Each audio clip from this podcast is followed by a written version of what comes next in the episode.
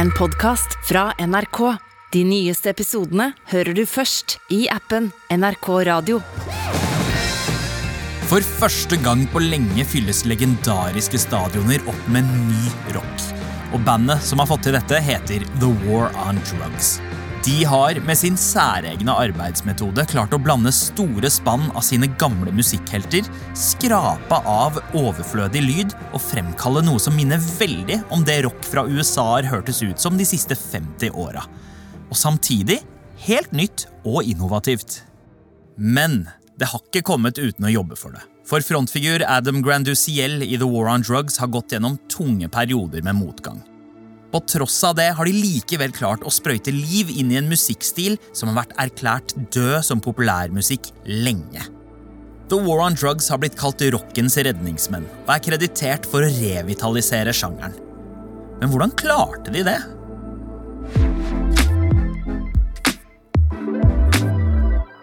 Velkommen til Musikkrommet. Jeg heter Sandeep Singh. There's no rules, there's no limits to what you can do and sounds you can make and ways to keep trying to find new new sounds, you know?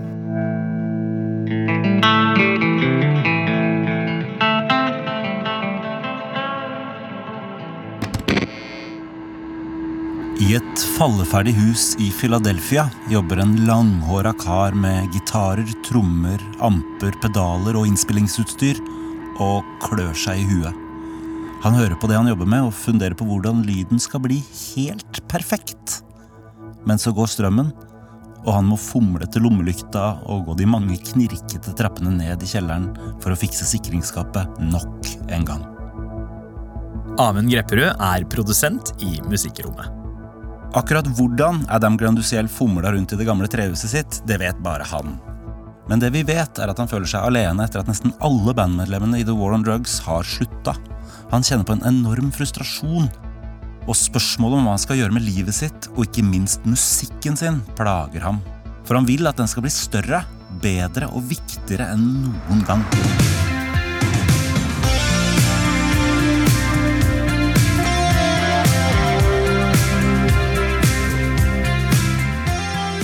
I dag vet vi jo at eh, Adam Granduciel og bandet hans The War on Drugs klarte å gjøre musikken sin større. Ja, for de har blitt kalt selveste rockens redningsmenn av mange. De har gjort at mange har fått ny lyst til å høre på gitarsoloer, svære trommer og pulserende bassganger med låter som får deg til å ville løpe, samtidig som du gauler med til tekstene.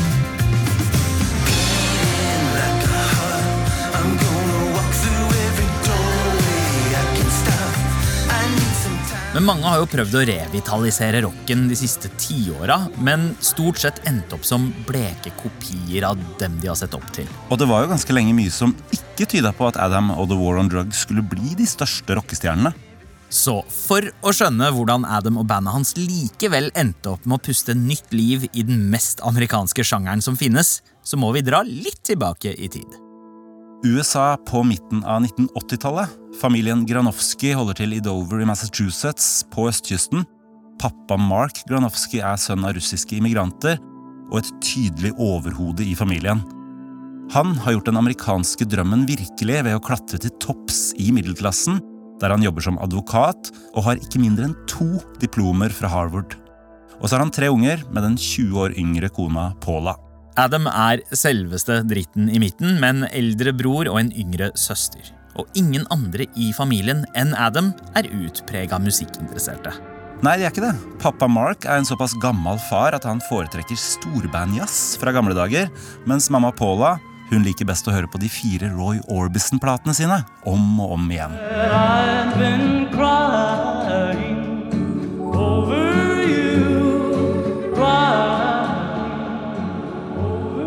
Men Adam oppdager at mamma har en mye større platesamling som hun av en eller annen merkelig grunn har gjemt vekk.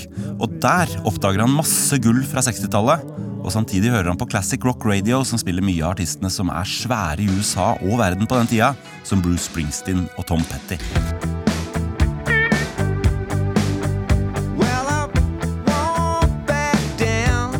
Men han er jo en kid av sin tid også, så han hører på mye av det som er nyskapende på 80-tallet. Han digger krass gitar og er spesielt opptatt av sjangrene metal og shoegaze. Foreldrene er ikke glad i denne her bråkete musikken i det hele tatt. Så Adam går rundt med hodetelefoner og hører på musikken som vekker mange følelser i ham. Og snart skal han også få kjenne på hvordan det føles å lage lydene selv. For når Adam er 13, er han på besøk hos en venn og får teste kompisens røde elgitar for første gang. I remember hitting this red washburn and like the ground shaking. I knew actually when I did that, I was like, this is the greatest, single greatest moment of my life. Adam forelsker seg i den lyden, og på tross av at faren hans ikke har sans for bråket elgitaren lager, så kjøper han en til sønnen. Og Adam blir kjent med instrumentet på gutterommet, spiller coverlåter, men er ikke så opptatt med å ta det videre ut derfra. Og det er ikke så rart, egentlig, for i hjembyen Dover er det ikke noe musikkmiljø. Det er ikke noe livescene der jevnaldrende spiller i band som man kan se opp til og bli inspirert av. Så Adam klimprer for seg selv, men er ikke i nærheten av å tenke på at han skal få seg en karriere innenfor musikk. Nei, faren hans er jo høyt utdanna og mener at det er den eneste riktige veien å gå, så han sender Adam på en dyr privatskole. Men der finner han ikke helt sin plass. Han trives ikke så godt, han henger heller ikke med i timene, og han drømmer om å drive med musikk i stedet. Det er jo lett når man er tenåring å fantasere seg vekk fra de der dørgende kjedelige skoletimene. Og det Adam dagdrømmer om, er å få tak i gitargrepene til Smashing Pumpkins nye plate, en av de største rockeplatene i 1993.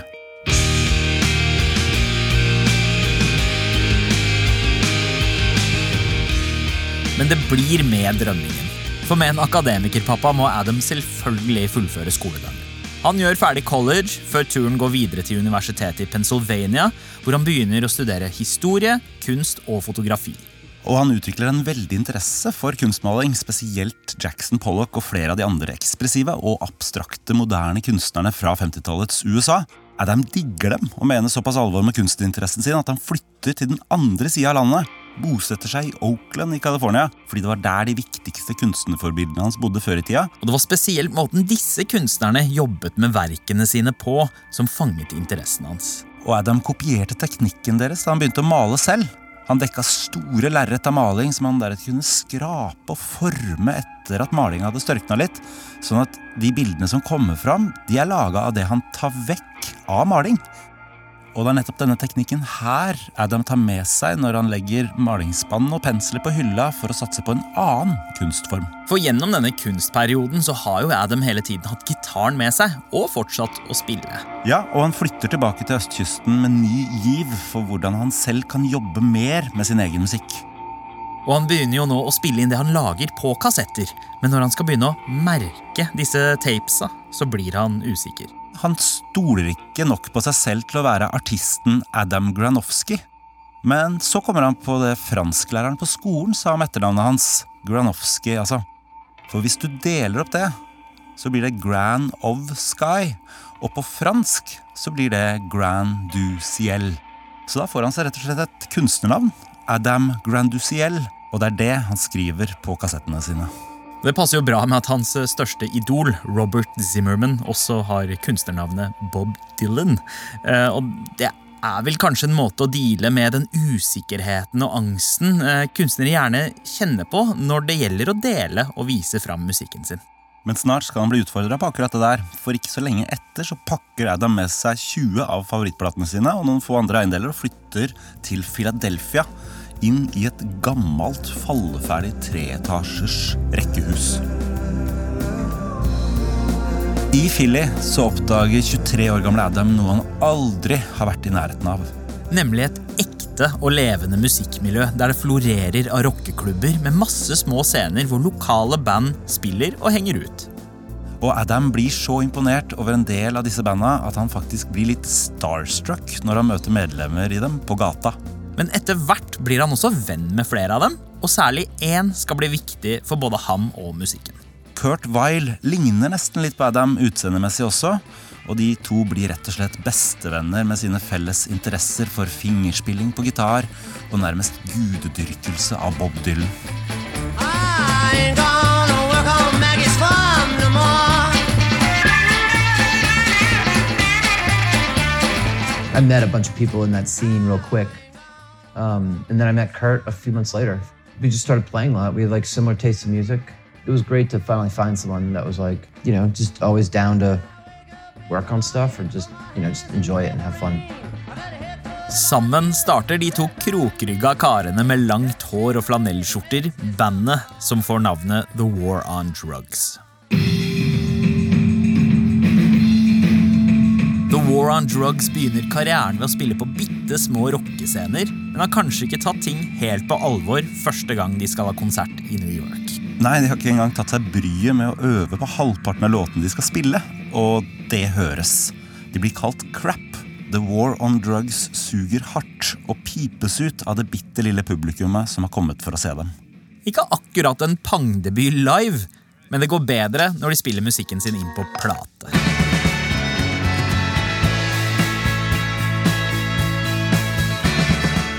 I 2008 så har de jobba intenst i studio, og de gir ut debutalbumet som får navn inspirert av Dylan, Wagon Wheel Blues.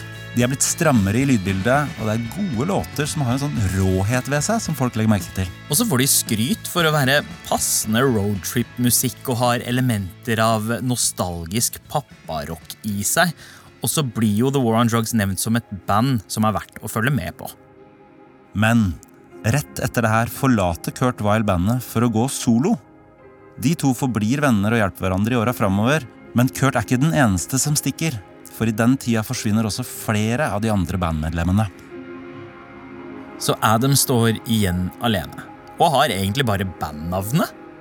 Og det leder han inn i et relativt uglamorøst musikerliv. Han jobber strøjobber for å få en inntekt, men all tid han har til overs, brukes på musikken. Og den lager han hjemme. Og der begynner han å tenke nytt. For det er nå Adam tar fram igjen teknikken fra da han drev med kunstmaling.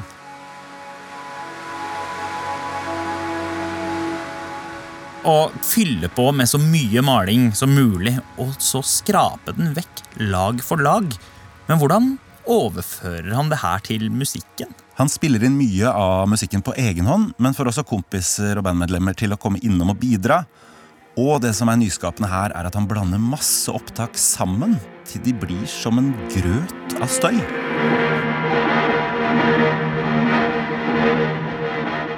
That was more like constructed. That was more like ton of material and ton of sound formed into songs through like like arranging, like you know, moving things in and out and overdubbing and Og så nilytter han på det til han begynner å høre noe inni grøten som kan minne om en melodi.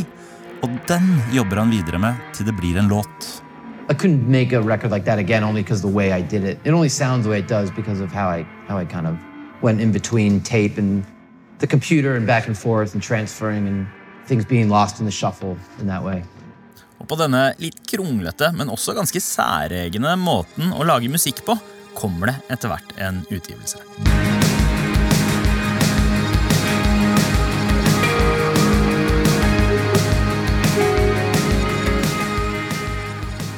Andrealbumet til The War on Drugs heter Slave Ambient, og her er låtene svevende med lange instrumentalpartier og melodier som flyter inn og ut og skaper et helt unikt lydlandskap.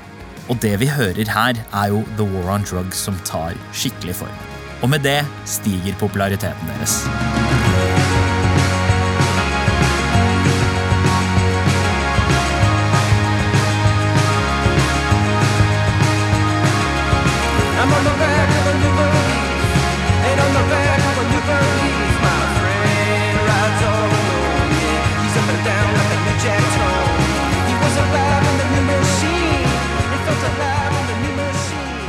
På det albumet her så blir bandet sammenligna med et av de mange idolene til Adam, og musikken inspirerer til et helt nytt begrep Boz Gaze. Ja, Det er jo en artig referanse til 80-tallets mest folkeskjære rocker, Bruce Springsteen, også kjent som The Boss, som møter den innadvendte shoegazen.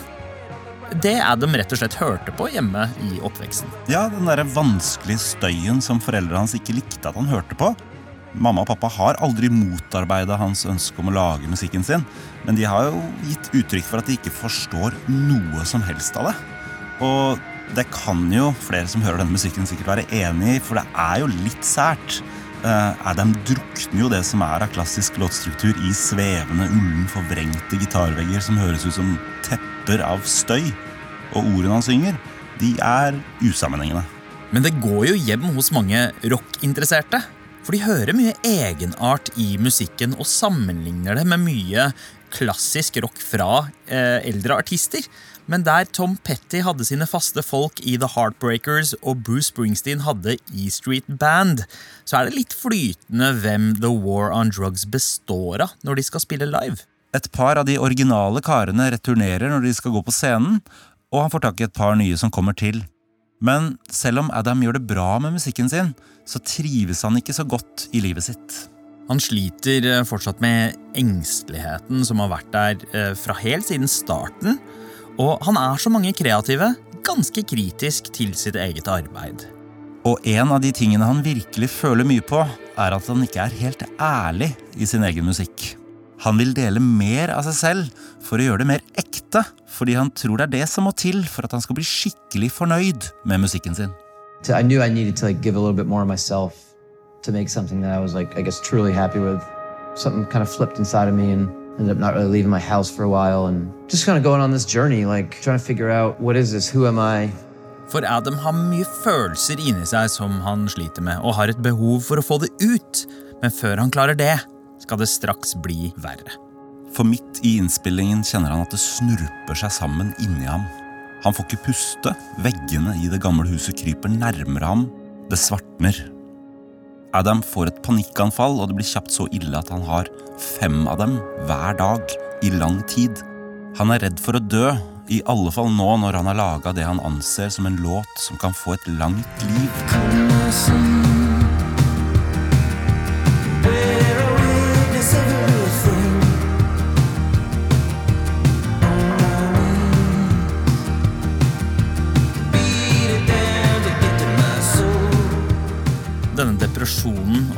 Og inni ham blir større enn noen gang.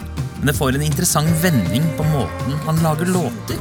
Ja, for Der han tidligere improviserte fram gibberish-ord under innspillinga, så begynner han nå å skrive mer fortellende tekster om det å være helt på bånn. Men gjør det prosessen med å få musikken ferdig noe kjappere? Nei, på langt nær. For denne teknikken hans med å skrape vekk, som han holdt på med som kunstner, den perfeksjonerer han nå for lyd. Etter at alle instrumenter og vokalspor er spilt inn, så starter Adam på det han anser som den virkelige jobben. Nemlig å mikse alle sporene sammen. Justere, legge til og ta bort. Og finne den riktige lyden som skal ende opp som det vi hører på plata. Og det er her han mister seg selv i det som er drømmen hans. Some point last year when I started working on music and I went through a breakup and started like found myself alone, like living alone in this in this huge house I'd lived in for 10 years, not leaving the house. Very nervous and very anxious and depressed and weird kind of thoughts and Han gnikker og gnur på den miksen i over to år. Og det høres jo forferdelig lenge ut, eh, men det er jo ikke helt uvanlig å bruke lang tid på etterarbeidet og ferdigstillingen av musikk. Nei, mange gjør jo det, men for noen så tar det lengre tid enn andre, og uttrykket som sier at djevelen er i detaljene, det er høyst reelt her. Så han bruker all sin tid på å fikse de små detaljene, og glemmer jo dermed en veldig viktig ting. Ja, for bare en halv time før han da har fått frist til å levere alt sammen til plateselskapet, musikken og titler og hele pakka, så mangler han navnet på albumet. Det er jo litt som å glemme å navngi ungen sin. Ja, Men eh, Adam har heldigvis noen alternativer når han faller ned på en av låttitlene i hui og hast, og den passer jo egentlig helt perfekt. Lost in the Dream er klar for verden.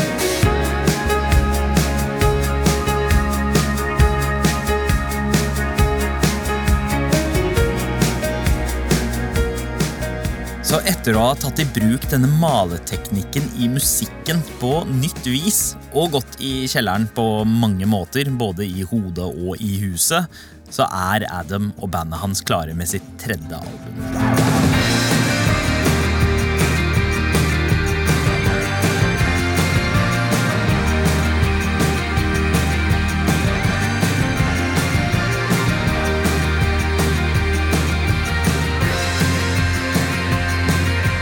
Plata blir jo promotert som mesterverket til den strevende kunstneren som endelig får den definitive anerkjennelsen og gjennombruddet. For Lost in the Dream blir tatt helt ekstremt godt imot. Og får mange toppkarakterer slengt etter seg over hele kloden, også her hjemme. Ja, jeg innleda min ekstremt korte anmelderkarriere med å rulle terningkast seks her i NRK. Og all denne skryten gjør jo at Lost in the Dream topper kritikernes årslister overalt i verden i 2014. Og med det så vokser også konsertlokalene, og de er kjapt utsolgt overalt. Men Adam tør ikke helt å stole på at suksessen er reell.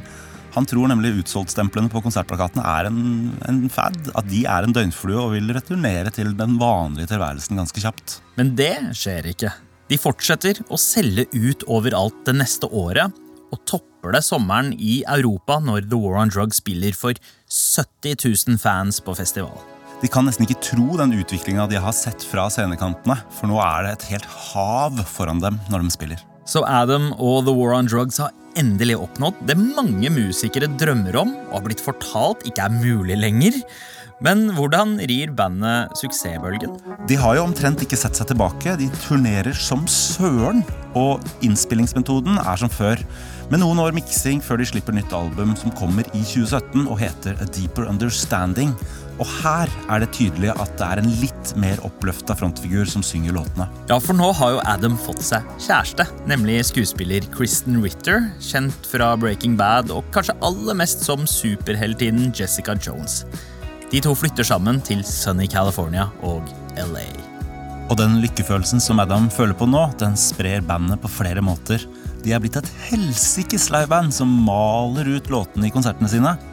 Og lyden av alt er enda bedre. Ikke så rart, for det er et større budsjett å jobbe med nå. Ja, for nå skal The War on Drugs slippe musikken sin på det nye og store plateselskapet deres, Atlantic Records. Noe som man kanskje skulle tro kom med et sett kreative kompromisser.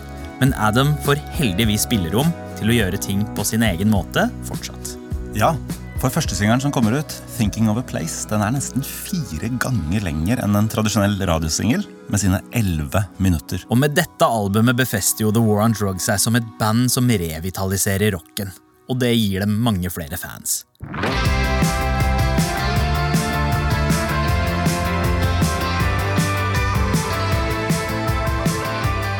Familien til Adam får også med seg dette, og pappa begynner å godta at Adam verken blir økonom, advokat eller noe annet tradisjonelt. Mark Granowski har ikke bare innfunnet seg med sønnens karrierevalg. Han har oppdaga storheten i musikken Adam lager. Han måtte bare bli 85 år først. Han kjøper platene som sønnens musikk blir sammenligna med, og mener at Adam er bedre enn han der Tom Petty, som mange nevner. Gamlefar har fått sans for rocken til slutt og blir med på turné i Europa, og han elsker kameratskap i bussen. The Band of Brothers. Songs from my dad.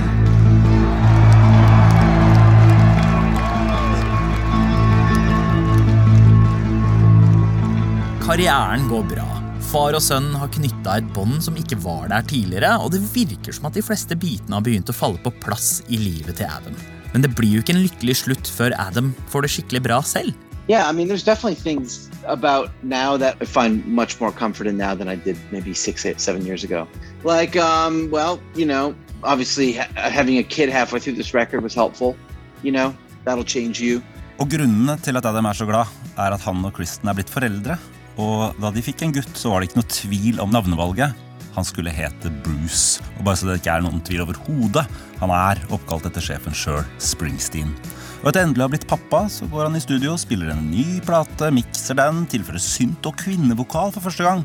Og dette stadig bedre humøret er å høre tydelig i flere av låtene. Det er ikke lenger evigheter mellom bølgetoppene eller en følelse av å forsvinne.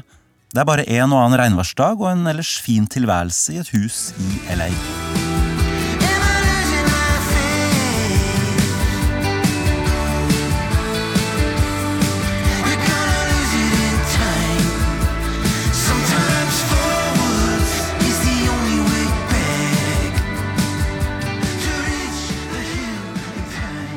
Denne maleteknikken med hans eh, særegne palett i musikken har jo endt opp med å bli suksessoppskriften. Som gjør at det høres helt vilt bra ut. Yeah, it's the beauty of um, time and um, a certain enjoyment of accepting the process of making music, doing it enough now to where I feel like coming into this record, I was confident in myself and the band to a point of knowing that as long as I kind of put in the time of writing, that we were getting better at knowing how to make a record. You know, and I think knowing it takes a little bit of stress out of what you end up putting down. You know, I think having a goal and having a knowledge of the craft can make it more enjoyable and can make it a more positive record and experience. Måten han pensler ut rocken fra gamle dager, men finpolerer sporene i etterarbeidet så det likevel høres kontemporært og friskt ut. Og så er det jo ingen tvil om at de nådde mange flere når Adam endelig klarte å få tekster som folk kan kjenne seg igjen i. Og de tekstene passer jo så bra med musikken, i motsetning til rockeinspirasjonene Petty og Springsteen, som hadde den amerikanske drømmen og strevde i arbeiderklassen med et håp om å fikse livet sammen med en utkåret kvinne, så er The War on Drugs mindre håpefulle. Det er jo mye mer lost og pain og suffer og wondering, changing og running. Og det kler jo tida vi lever i mye bedre enn det håpefulle 1970- og 80-tallet. For verden er jo ikke det den en gang var. Men det er jo likevel et mye mer positivt The War on Drugs anno 2022 enn for et tiår siden. Ikke så rart, Adam har gått fra å bo i ei rønne til å nå leve det gode liv i Hollywood, med musikken som på samme tid har utviklet seg fra skranglerock til feinschmecker stadionrock. Og den tar han jo med seg til steder i 2022 som han ikke har vært i nærheten av før nå. Det er jo bare de største popstjernene og de gamle rockeheltene som spiller i New Yorks tradisjonsrike storstue, altså Madison Square Garden, før nå The War on Drugs hadde konsert der i januar.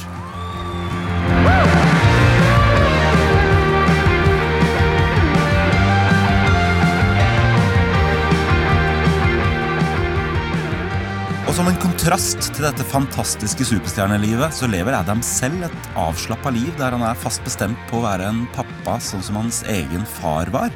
Han som jobba mye, men avslutta hver arbeidsdag og kom hjem for å være sammen og følge opp sønnen. Det er jo lett å se for seg at musikertilværelsen og familielivet ikke alltid er eh, så forenlig.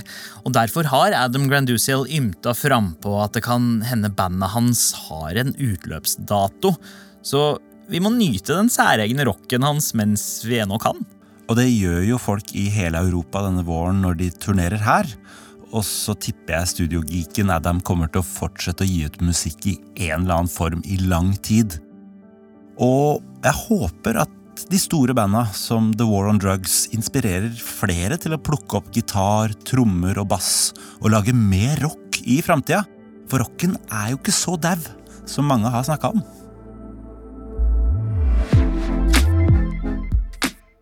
Du har hørt en episode av Musikkrommet. Hvis du likte det du hørte, anbefale oss gjerne til en venn.